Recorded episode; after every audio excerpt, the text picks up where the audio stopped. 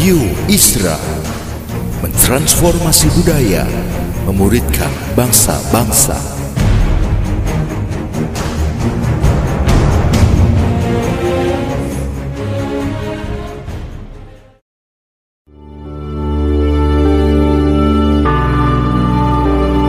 Apostolic Prophetic Messages mengungkapkan pesan dan arahan dari hati Tuhan bagi gerejanya demi menuntaskan mandat kerajaan Allah di Indonesia dan bangsa-bangsa. Selamat mendengarkan.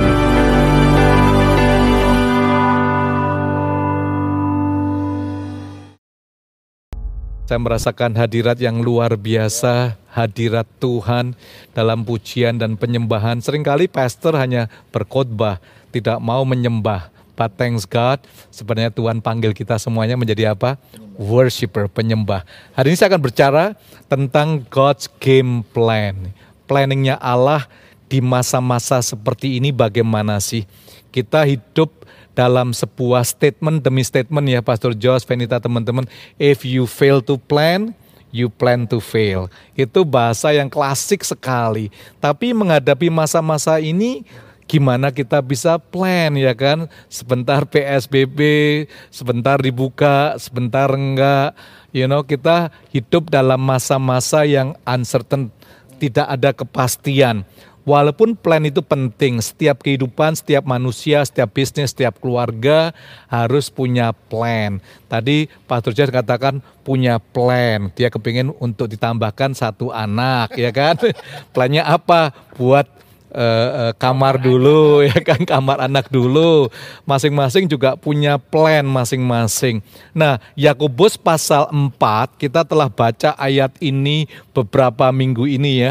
Ayat uh, pasal 4 ayat 13 sampai 17 jadi sekarang hai kamu yang berkata hari ini atau besok kami berangkat ke kota Anu. Dan di sana kami akan tinggal setahun dan berdagang serta mendapat untung sedang kamu tidak tahu apa yang akan terjadi besok. Apakah arti hidupmu itu? What is your life? Hidupmu itu sama seperti uap yang sebentar saja kelihatan lalu lenyap. Sebenarnya kamu harus berkata, jika Tuhan menghendakinya, kami akan hidup dan berbuat ini dan itu. Tetapi sekarang kamu memegahkan diri dalam congkakmu dan semua kemegahan yang demikian adalah salah. Jika seorang tahu bagaimana ia harus berbuat baik tetapi ia tidak melakukannya, ia berdosa. Ya kan? Ini membicarakan uh, planning. Uh, teman-teman ya, kita hidup dalam zaman modern 24/7. Betul nggak ya? Rasanya uh, kota selalu bisa hidup nggak ada kota yang mati, semuanya mau kotanya always bright 24/7 seperti New York, Las Vegas, Tokyo, uh, Karawaci, not really. ya kan?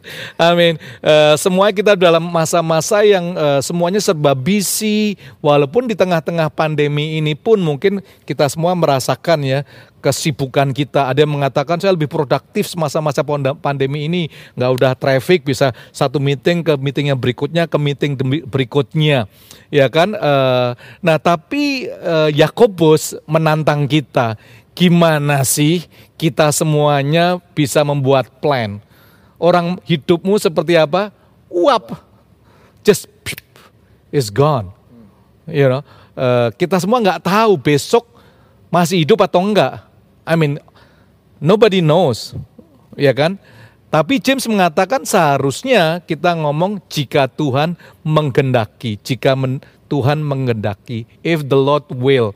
Artinya apakah plan kita ya teman-teman uh, semua yang di rumah uh, setiap keluarga demi keluarga apakah plan kita ini sesuai dengan plannya Tuhan? Atau tepatnya apakah God's plan align with our own plan? ya kan? Uh, karena rencana kita bukan rencana Tuhan. Jadi sering kali kita missing satu dengan yang lain di dalam kehidupan yang sangat super sibuk ini uh, di Jepang ya ada istilah namanya karoshi. Karoshi itu uh, artinya kematian karena kebanyakan kerja. statistik mengatakan seribu orang tiap tahun mati oleh karena kebanyakan kerja. Kalau kecanduan kerja rasanya kelihatannya oke ya, dianggapnya rajin. Kalau kecanduan eh, narkoba, pornografi buruk, tapi kecanduan kerja orang lihatnya oke itu. Maka itu karoshi ini berbahaya sekali. Mungkin ya, saya juga pikirkan ini refleksi untuk diri kita sendiri ya. Seringkali anak-anak Tuhan juga kehidupannya seperti demikian. 24/7. Sibuk sekali. Bahkan pelayanan pun. Betul nggak? Rasanya bisnis itu merupakan jati diri seseorang pada zaman yang modern ini. Akibatnya apa? Burnout, stres, betul nggak, Vin? Uh, uh, depres, sakit, ya kan? Dan saya concern sih, Pastor Josh ya, the church fail to give a simple answer. There's so many a million books out there tentang how do we cope with burnout.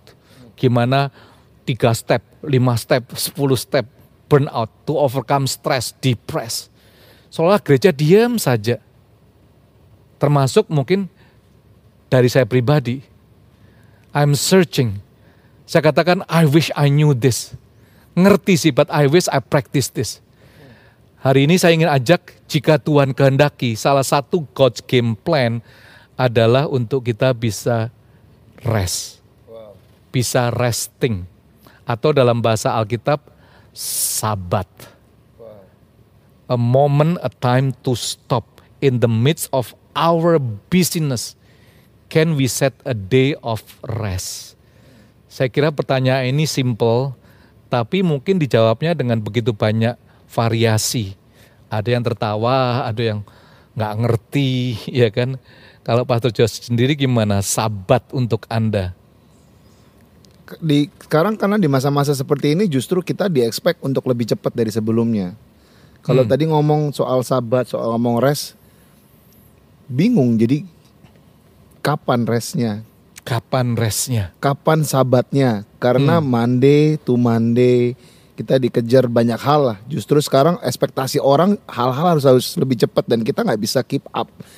Kalau kita rest satu hari, berarti kita ketinggalan satu hari. Hmm. And that sesuatu yang bikin aku secara pribadi, so when is the best day to rest? Wow. Kalau you Fer, gimana Fen? Menurut saya ya seperti yang Pastor bilang, sabat itu waktu buat istirahat walaupun menurut Kojos juga kita kadang bingung untuk Mm-mm. em, mengatur waktu kapan harusnya kita rest, cuman kita bela- harus belajar sih untuk rest nggak hanya our body tapi juga our mind sih kata Pastor. Kadang saya pribadi soalnya suka overthinking gitu. Mungkin Wow.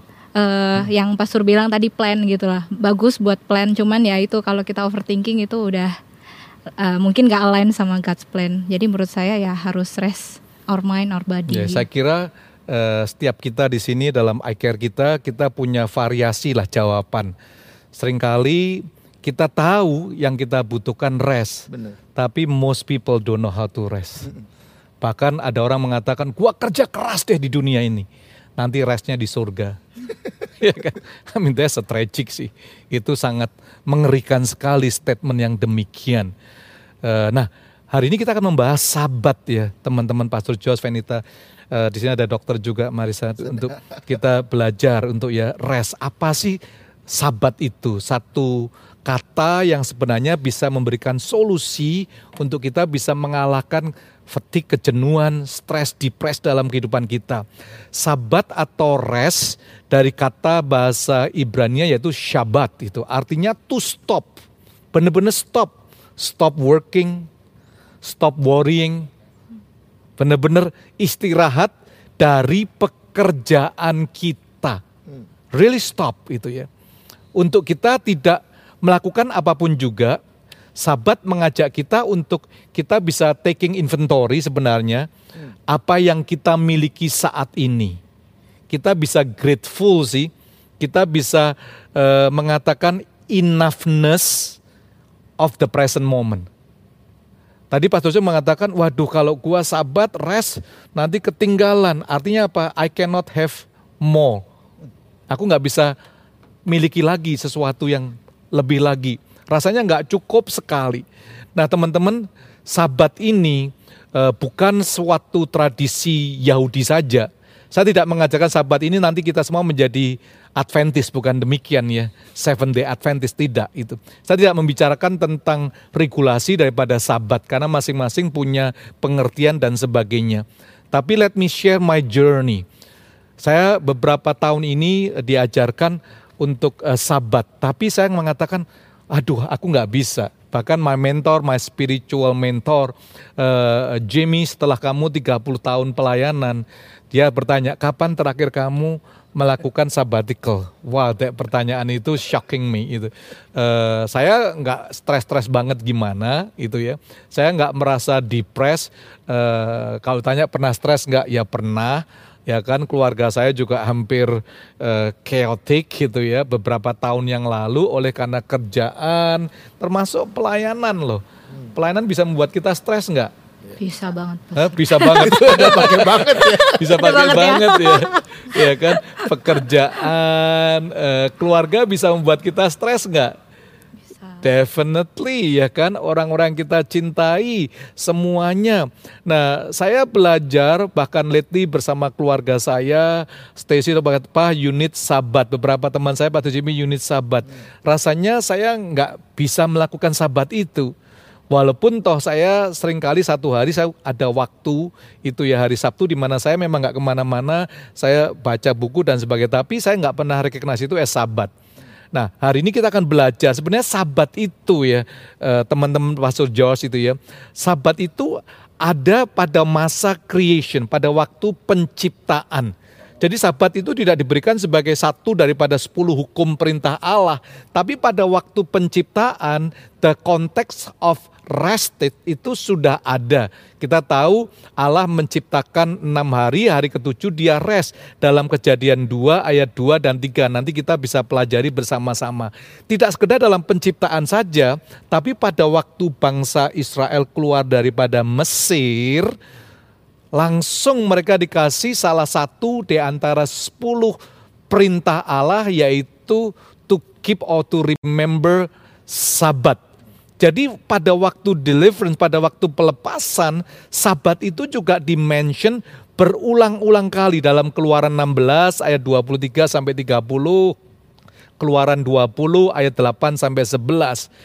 Lalu tidak sekedar dalam perjanjian lama saja, tapi pada masa Kristus pun masa pemulihan sabat itu juga muncul lagi pada waktu Yesus di, di, di, diserang oleh beberapa orang Farisi eh, tentang apa yang dia lakukan pada waktu hari Sabat.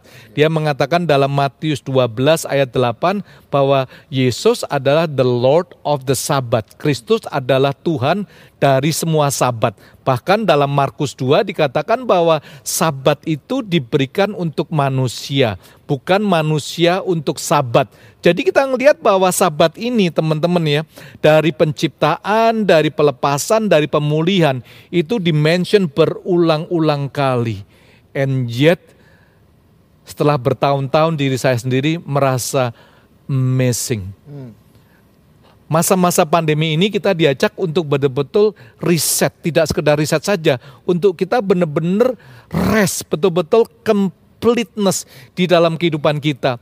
Tadi saya katakan bahwa sabat dimulai daripada penciptaan. Jadi teman-teman Pastor Josh, fans semuanya bahwa sabat sebenarnya adalah rooted in God himself. Wow. Berakar dalam Tuhan sendiri, bahkan di dalam skenario daripada penciptaan daripada Allah banyak orang nggak pernah mempelajari ini dengan dengan benar. Yuk kalau kita lihat dalam kejadian pasal yang kedua ya. Kejadian pasal yang kedua ayat 2 dan 3. Demikianlah ketika Allah pada hari ketujuh telah menyelesaikan pekerjaan yang dibuatnya, itu berhentilah ia pada hari ketujuh dari segala pekerjaan yang telah dibuatnya itu. Lalu Allah memberkati hari ketujuh itu dan menguduskannya karena pada hari itulah ia berhenti dari segala pekerjaan penciptaannya yang telah dibuatnya itu. Teman-teman, sabat ini adalah saya katakan bagian daripada DNA of God's creation. Jadi ada dalam DNA daripada penciptaan itu sendiri. rooted in God Himself, all the way to Jesus. Pada waktu pelepasan, Sabat itu adalah DNA daripada covenant Allah sendiri. Pada waktu zamannya Yesus Kristus, Sabat merupakan DNA daripada Christ Himself.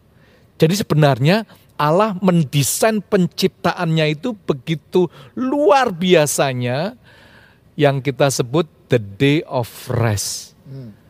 Sabat di dalam kehidupan Anda dan saya.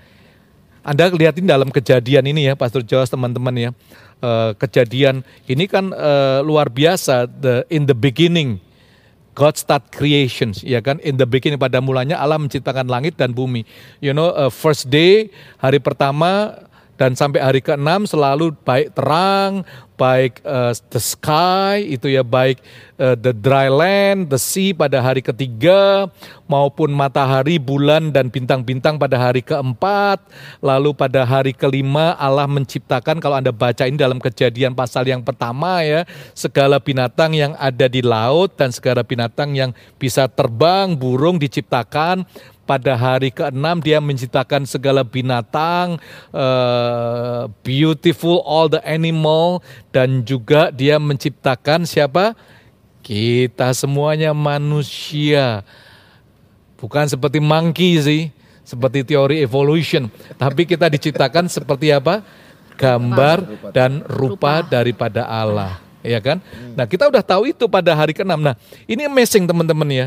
Setiap hari pada sejak hari pertama hari ke-6, sejak penciptaannya selalu ada kata-kata, ada phrase evening and morning. Hari pertama maka ada petang dan ada pagi, selalu begitu. Nah tapi pada waktu hari ketujuh dikatakan itu, God finished his work of creation.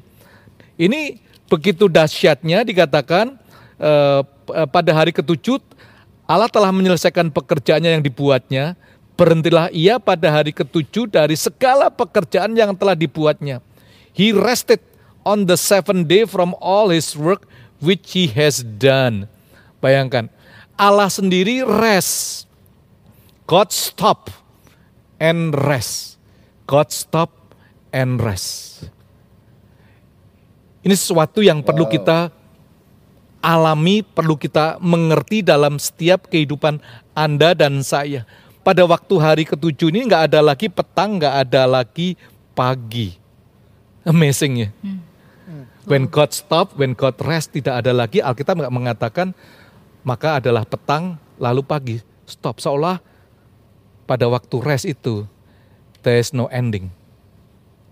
Ini sesuatu yang begitu indahnya. It's just like a day with no end pada waktu kita experience resting, sabat. Teman-teman, pada hari ketujuh itulah saya merasakan bahwa God's God's present, hadirat Allah itu memenuhi semua ciptaan daripada Dia. All the creations, God creations memenuhi dipenuhi oleh hadirat Allah. All God's creations dipenuhi oleh hadirat Allah on the day of seven. Pada hari yang ketujuh ini. Jadi semua ciptaannya. Jadi saya percaya bahwa DNA of creation selalu tertanam di dalam resting. Pada waktu kita mengalami ini, Alkitab mengatakan di situ bahwa Tuhan memberkati God bless, lalu He sanctify, He bless, and then holy. Artinya apa? Teman-teman kita semuanya. Bahwa pada waktu hari ketujuh, pada waktu God rest, semua ciptaan daripada Tuhan dipenuhi oleh hadirat Allah. Wow. Ini luar biasa. Termasuk gunung, termasuk laut, termasuk beaches, termasuk tree, termasuk animal, dipenuhi oleh hadirat Allah. Jadi nggak heran kalau kita keliling dunia kita begitu terkagum. Wih, pemandangannya ya, wih, pemandangannya ya. Itu semua ciptaan Allah. Gak cuma diciptakan saja, tapi diurapi oleh Allah. Resting, sabat, is the most important thing dalam kehidupan kita. Artinya semua ciptaan itu owned by God, dimiliki oleh Allah, and then given to all mankind, to all humanity to enjoy, to live in the garden. Maka itu sabat dimulai pada waktu penciptaan. Sebelum ada hukum, sebelum ada perintah Allah. Pada waktu creation. Karena semua ciptaan daripada Allah itu sangat berharga, Amin. sangat mulia. That's right. Pada waktu manusia merusak ciptaan Allah, bumi itu bergerak. Maka itu kita sering mendengar global warming. Ya kan? Saat ini kita memasuki pandemi COVID-19. Rasanya seluruh dunia itu silent. Restingnya berbulan-bulan. Karena dikerjain oleh manusia bumi ini. Sampai rusak dan sebagainya. There's so many teori tapi saya tidak akan membahas itu. Tapi kita fokus kepada rest itu sendiri, sabat. Di sabat pada waktu kita rest, Alkitab mengajarkan kita untuk kita worship Christ. Karena dia the Lord of the Sabbath. Right. Maka itu Yesus mengatakan, aku adalah Tuhan atas sabat itu. Artinya dia itu kreator, dia itu pencipta. Kita ini ciptaannya. Kita pikirnya kita ini kreator, kita pencipta, inkubator, kreator. Tapi sabat mengajarkan kita anak-anak Tuhan untuk mengerti bahwa Allah adalah kreator. Dan kita adalah creation, ciptaannya daripada Tuhan. So church, perhatikan baik-baik. Di dalam sabat, Allah mau untuk membawa kita kembali hidup di dalam Taman Eden. Ini luar biasa. Wow. Kehidupan yang penuh the fullness of God. Intimacy with God. Jadi pada waktu Allah rest, bukan berarti dia diem. Enggak. He just walking. What is the glory or what is the purpose of God created man? Apa sih tujuan utama Allah menciptakan manusia? Yaitu supaya kita bisa punya apa? Relationship. relationship with Him, to glorify Him. So Sabat itu momen di mana Allah sebenarnya mau bawa kita untuk mengalami keadaan seperti di garden, life without sin. That's what Sabat is all about. Focus on rest. Jadi sabat bukan sekedar kita diem saja baca Alkitab, nggak begitu juga sih teman-teman. Nanti kita pelajari entah hari ini atau next week ya. Dalam fokus sabat ini apa yang kita lakukan selain pusat pada Kristus, kita juga bisa enjoy our life. Bukan day off ya, tapi enjoy with your family. Alkitab mengatakan bahwa kamu bersama dengan anak-anakmu, keluarga kamu, bahkan binatang-binatangmu, bahkan pembantu-pembantumu rest, enjoy to worship God untuk celebration with a lot of food. Ini bukan puasa, gitu, ya, tapi makan yang enak, Pastor Josh itu ya. Jadi eh, kita bisa enjoy, we just eh, bila perlu kalau saya belajar dalam sabat bagi hidup saya, saya tidak touch handphone saya 24 jam itu miracle by itself itu ya. Kan? so uh, if I don't answer you karena adalah saya dikatakan anything you text me I will reply within 24 hours. Jadi Anda tahu kalau saya nggak jawab selama lebih daripada 24 jam, Anda tahu bahwa saya sedang sabat. Nah, kita menyadari ya teman-teman untuk kita diajak untuk dalam creations ini pada waktu penciptaan daripada Allah bahwa Anda dan saya adalah orang-orang yang sangat bernilai, sangat berharga di dalam setiap kehidupan kita. Hari ini saya ingin ajak untuk kita bahwa Anda dan saya adalah bagian daripada ciptaan daripada Tuhan. That's right. Kita menyadari oleh karena dosa, kita nggak mengerti istirahat itu apa. Kita nggak mengerti rest itu apa. Tapi lewat putranya Yesus Kristus, dia mengatakan bahwa sabat itu adalah is a gift for every humanity. Makanya itu dikatakan sabat buat manusia, bukan manusia buat sabat. Apa yang terjadi sih pada waktu kita entering the sabat? Kita bisa merasakan hadirat Allah. So learn to rest in Him. Learn to stop in everything you do 24 jam dan izinkan Allah memulihkan setiap kehidupan kita supaya kita bisa tahu bahwa dalam hidup ini kita adalah ciptaannya. Dia adalah penciptanya. Amin teman-teman. Amin. Pastor Jos, teman-teman, yuk kita bersama-sama belajar bagaimana kita experience sabat di dalam zaman yang serba sibuk ini untuk we turn our heart toward God di dalam setiap kehidupan kita. Mari kita berdoa bersama-sama. Bapak Surgawi aku berdoa untuk hari ini kami belajar untuk sabat sebenarnya adalah bagian daripada rencana Allah. Sabat sebenarnya berakar daripada Allah sendiri, rooted in God. Sabat mengajar kita bahwa life with no ends. Artinya apa? Kita bisa merasakan hadirat Allah. Kita bisa merasakan enoughness, merasa cukup dengan apa yang Tuhan sediakan pada hidup kami. Tuhan bangsa Israel tahu pada waktu sabat mereka tidak mendapatkan apa-apa karena pada hari ke-6 engkau telah memberikan double. Sehingga pada waktu kami istirahat pun saat kami sabat rest, Tuhan menyediakan dalam kehidupan kami semuanya. Terima kasih ya Tuhan, ajar kami untuk memasuki kehidupan yang stop, learning to stop. Jemaat Tuhan banyak orang-orang, orang percaya, mereka mau follow every step of Jesus. Tapi mereka lupa untuk melihat every stop of Jesus. Hari ini yuk kita belajar stop satu hari.